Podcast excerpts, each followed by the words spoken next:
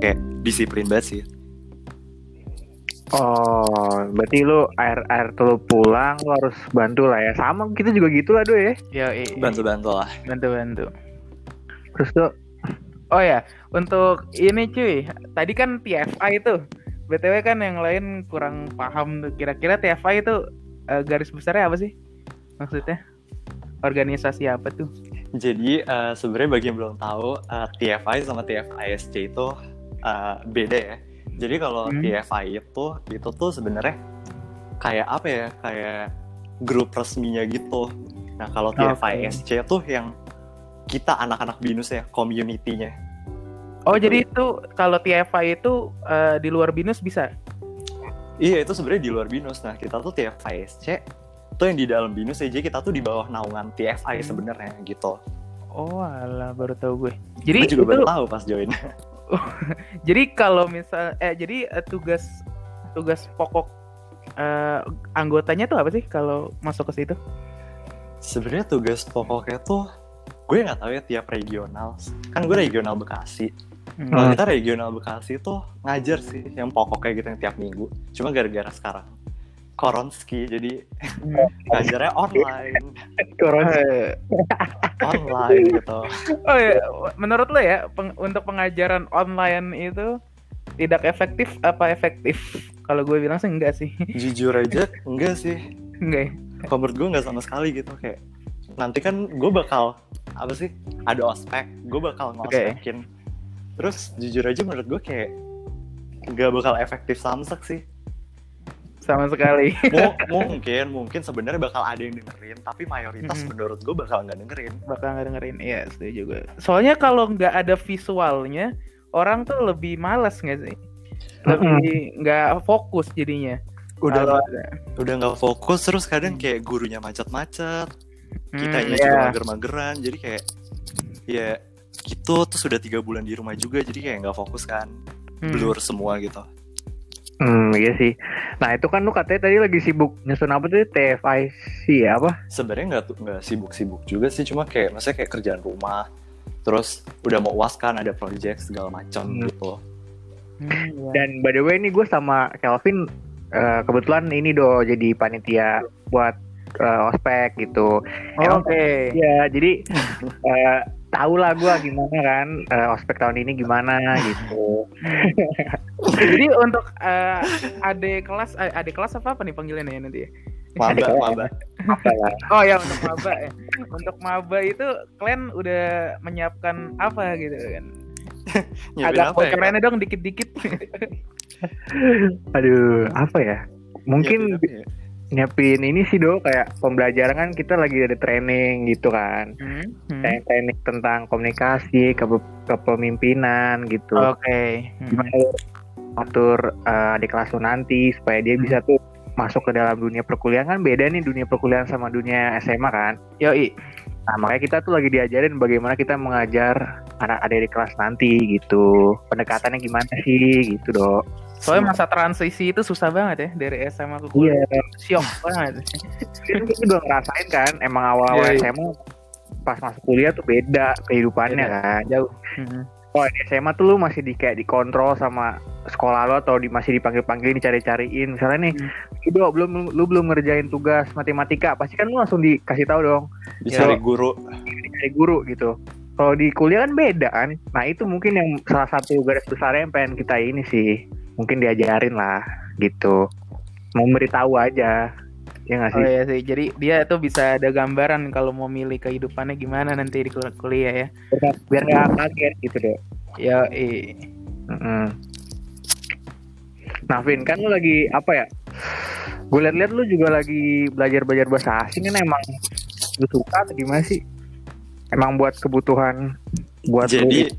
awalnya aja dulu kali ya Hmm. Mm-mm. jadi awalnya tuh eh, kan dulu tahun lalu itu eh, lib kita UN April kan ya Mm-mm. kita Hmm. UN April teru- terus eh, masuk kuliah tuh September kan terus gue pikir kayak empat bulan nih ngapain gitu mas gue nggak mungkin empat bulan all the way lo di rumah doang gitu Mm-mm. so gue pikir kayak eh, setelah oh ya tahun lalu kan gue juga dari Jepang terus gue mikir kayak kok gue suka banget budaya Jepang gue jadi pengen belajar bahasanya juga pengen belajar tentang sejarah pengen belajar tahulah lebih dalam tentang Jepang gitu Oke. terus eh, suatu saat di bulan Juni apa Juli gitu gue lupa gue lagi jalan sama temen gue di Grand Indonesia Hmm. terus Hmm. habis itu awalnya tapi emang gue udah pengen nyari les bahasa sih kayak gue pengen belajar bahasa asing tapi gue saat itu belum tahu sih pengen belajar apa Hmm, terus oke. waktu itu pas di Grand Indonesia gue baru ingat kalau eh,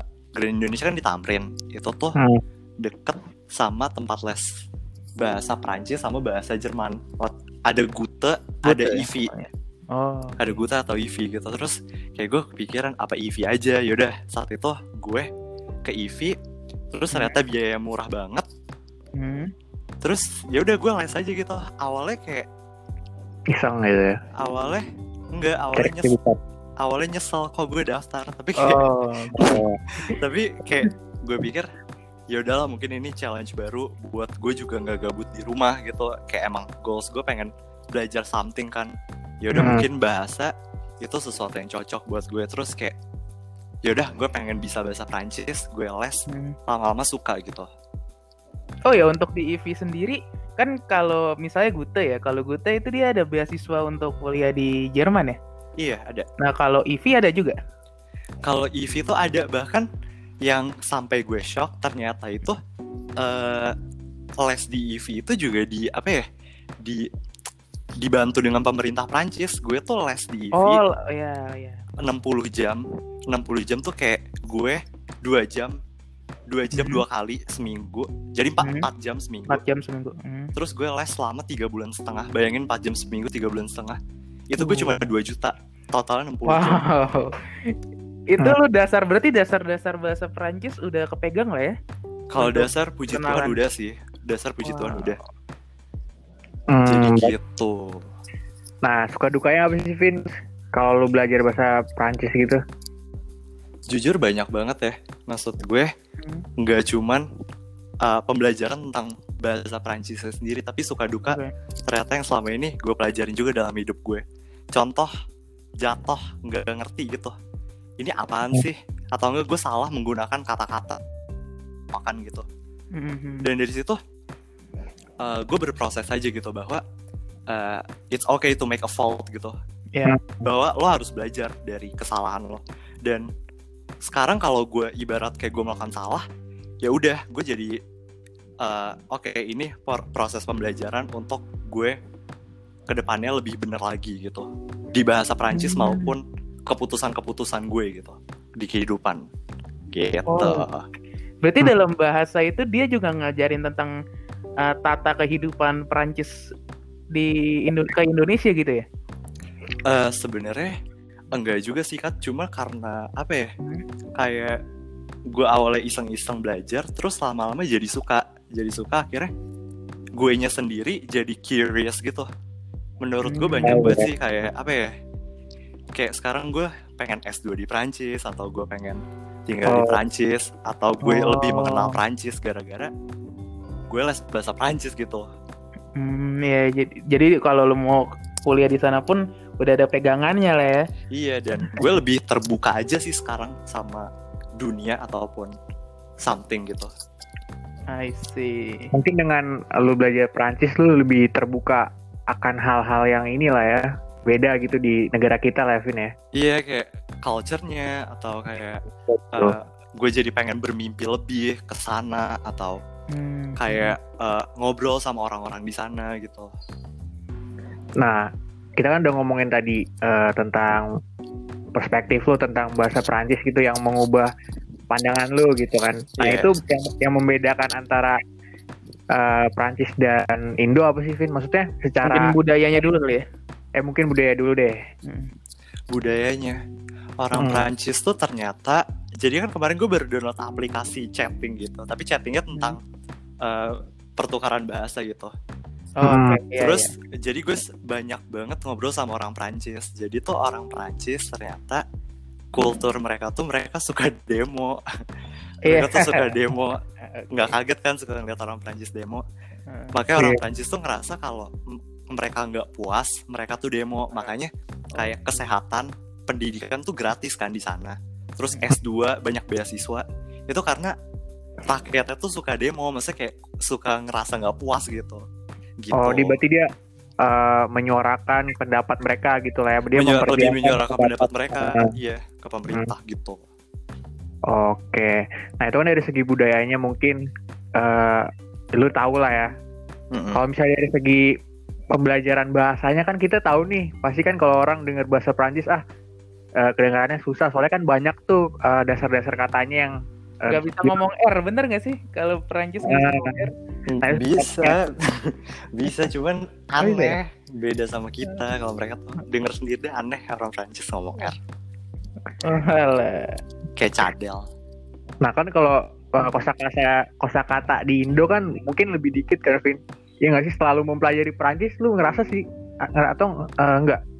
nggak banyak banget banyak banget sumpah yang gue bahasa Prancis tuh lebih susah kita tuh depan gampang tau ya Prancis tuh kan Iya. ada femi Nah. feminin sama maskulin kan jadi kayak Oh, gender oke. cowok gender cewek gitu terus kayak mirip-mirip pra- Inggris juga ada masa lalu masa depan masa lalu tapi berulang gitu-gitu deh Oh, ada prison pass. Oke. Iya, bahasa kita tuh udah paling gampang deh orang-orang Asia.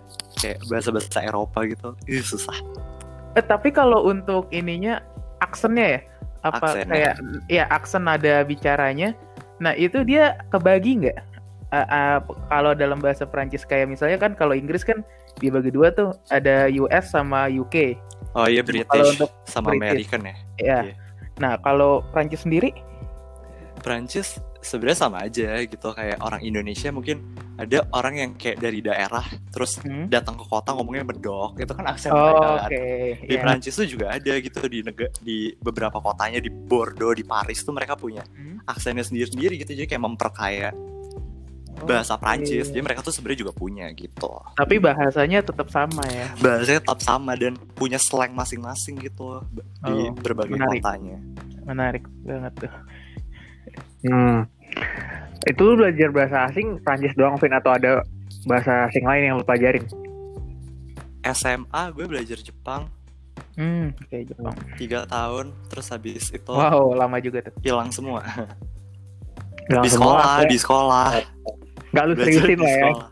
Terus habis itu enggak kemarin pas liburnya karena gue gabut, gue terusin. Oh, akhirnya sekarang lu punya uh, uh, bahasa Jep- bahasa Jepang, bahasa Prancis sama Inggris lah ya. Tapi kalau kan? Jepang ya basic-basic doang sih. Soalnya kalau Jepang kan Hmm. dulu di karena peminatan kan di sekolah pas SMA selama tiga tahun Oh, ada Hmm. peminatannya. Oke. gitu. Jadi gue belajar Jepang dulu. Nah, Tapi kalau- menurut lu eh Iya. coba lu apa gue met? gue penasaran sama Jepang malah. Jadi kan gimana ya? Orang kan pasti mikir bahasa bahasa itu kan buat beberapa orang kan susah untuk dipelajari Vin. Tapi Mm-mm. kenapa buat diri lu sendiri nih? Kenapa lu lebih tertarik untuk belajar bahasa? Padahal kan eh, nggak semua orang berpikiran kayak eh, bahasa itu gampang untuk dipelajari. Contohnya kayak bahasa Inggris kan beberapa orang juga belum eh, ada yang beberapa yang nggak eh, jago juga gitu. Tapi Mm. lu udah meraba ke bahasa yang menurut eh, orang-orang awam tuh susah gitu. Prancis apalagi. Maksudnya ketertarikan lu apa sih biar eh, lu tuh mau belajar Prancis gitu? Mungkin awalnya kayak apa ya? Mungkin karena hobi, bukan hobi juga sih. Kayak awalnya nyoba-nyoba, terus ya akhirnya jadi hobi. Mungkin seumpama lo suka sesuatu nih, Kat. Kayak Hmm. hal baru, terus lo suka. Terus Oh, lo iya. jadi pengen masuk lebih dalam ke dunia itu.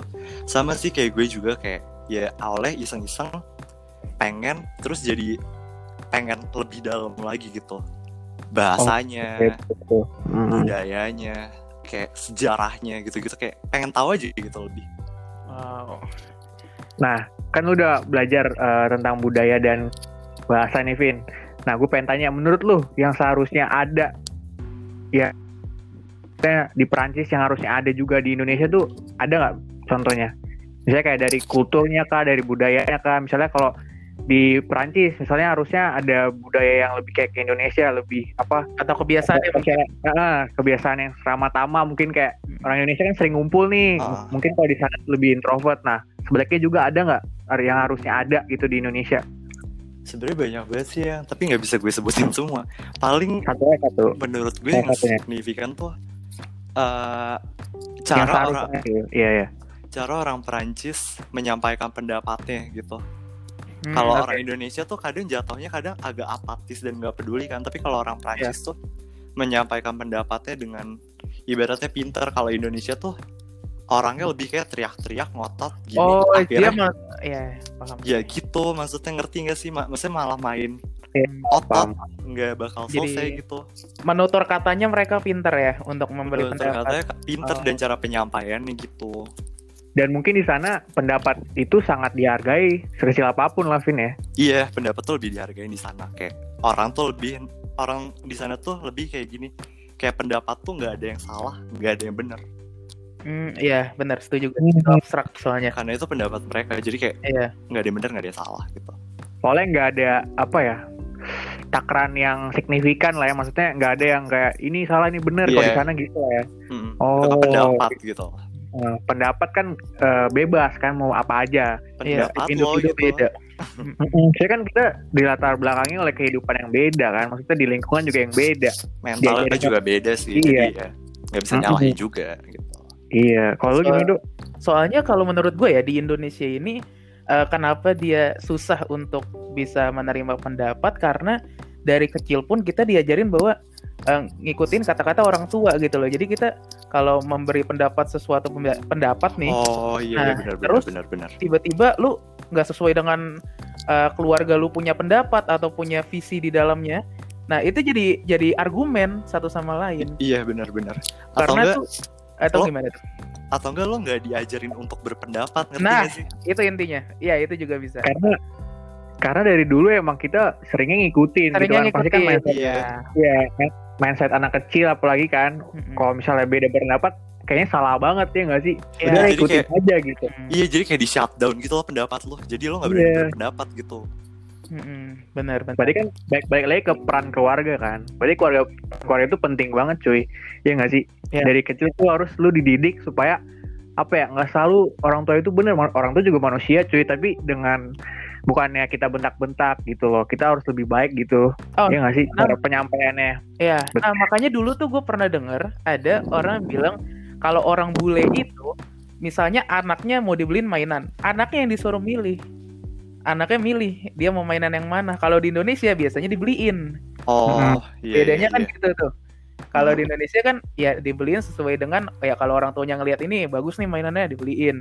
Nah, kalau Ah. di sana rata-rata mereka itu eh, mau beli, orang tuanya mau beli tapi di anaknya yang milih. Lebih bedanya terbuka kali ya Lebih terbuka Iya. gitu kayak ke anaknya Jadi Tapi- bebas Ah. anaknya mau milih Iya mainan betul kayak gimana. Tapi kalau di Indonesia do kalau pas kecil nih coba lu misalnya nih ya ke warung deh nah Hmm. lu ke warung terus lu pengen beli sesuatu gitu pasti Iya. nyokap pasti nyokap lu bilang gini nggak dijual kan mas nggak dijual kan mas gitu akhir Oh iya iya iya iya. Dulu gua pernah waktu Ah. mainan ini nggak iya, ini nggak dijual mas ini nggak Iya. dijual iya. terus akhirnya masnya bilang ke kita dia ini nggak dijual deh akhirnya kita nggak beli kan bego menurut gue ya dari kecil ya. Iya waktu SD gue pernah.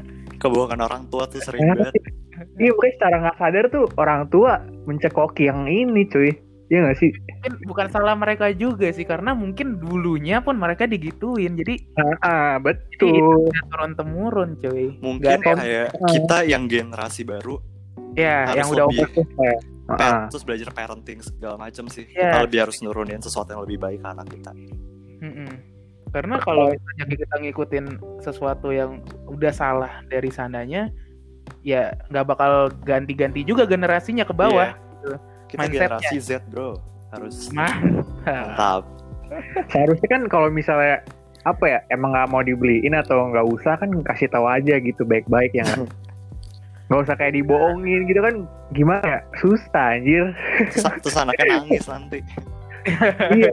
Anaknya teriak-teriak nah kalau oke awal nggak apa-apa dia nangis-nangis teriak-teriak tapi kan dikasih pencerahan dibilang jangan eh, itu nggak penting beli yang ini aja gitu yang lebih, lebih bermanfaat gitu kan Iya. lebih enak kan Ah, Soalnya kan iya, iya. ya itu dok di Indonesia menurut gua Hmm. hal yang sering walaupun salah itu udah kebiasaan nah itu dia nggak bener Maksudnya?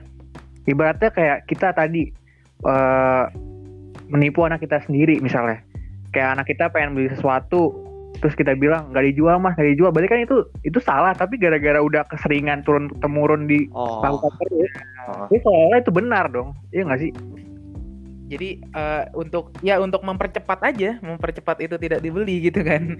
iya berarti kan kulturnya salah kan apa ajaran ada istiadatnya salah dong Ya, iya kebiasaan. udah kultur Mm-mm, makanya udah udah susah sih walaupun itu salah tapi udah sering dilakukan menurut gua bisa jadi hal kebenaran dan itu nggak baik cuy.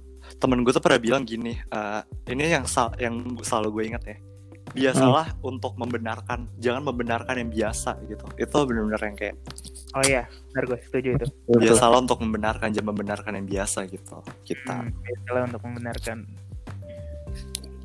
Wah ternyata podcast hari ini sangat banyak maknanya loh.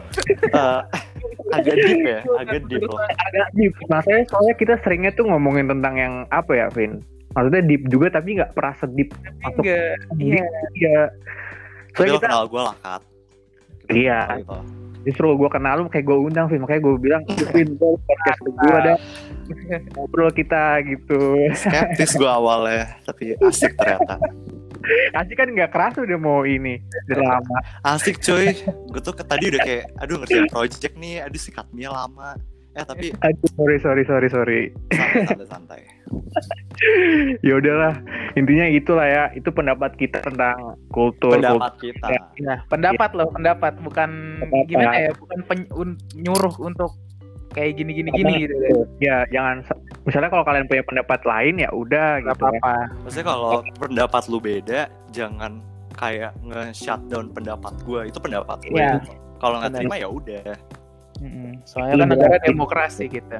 demokrasi Yoi. mantap Yoi, kalau misalnya kalian suka kalian bisa klik follow di Spotify ka- kita anjir kami dong do kita kita Cino. ya share nggak mau juga nggak apa-apa. Stay tune terus di ini podcast yang ini bukan yang itu. Goodbye. Thank you.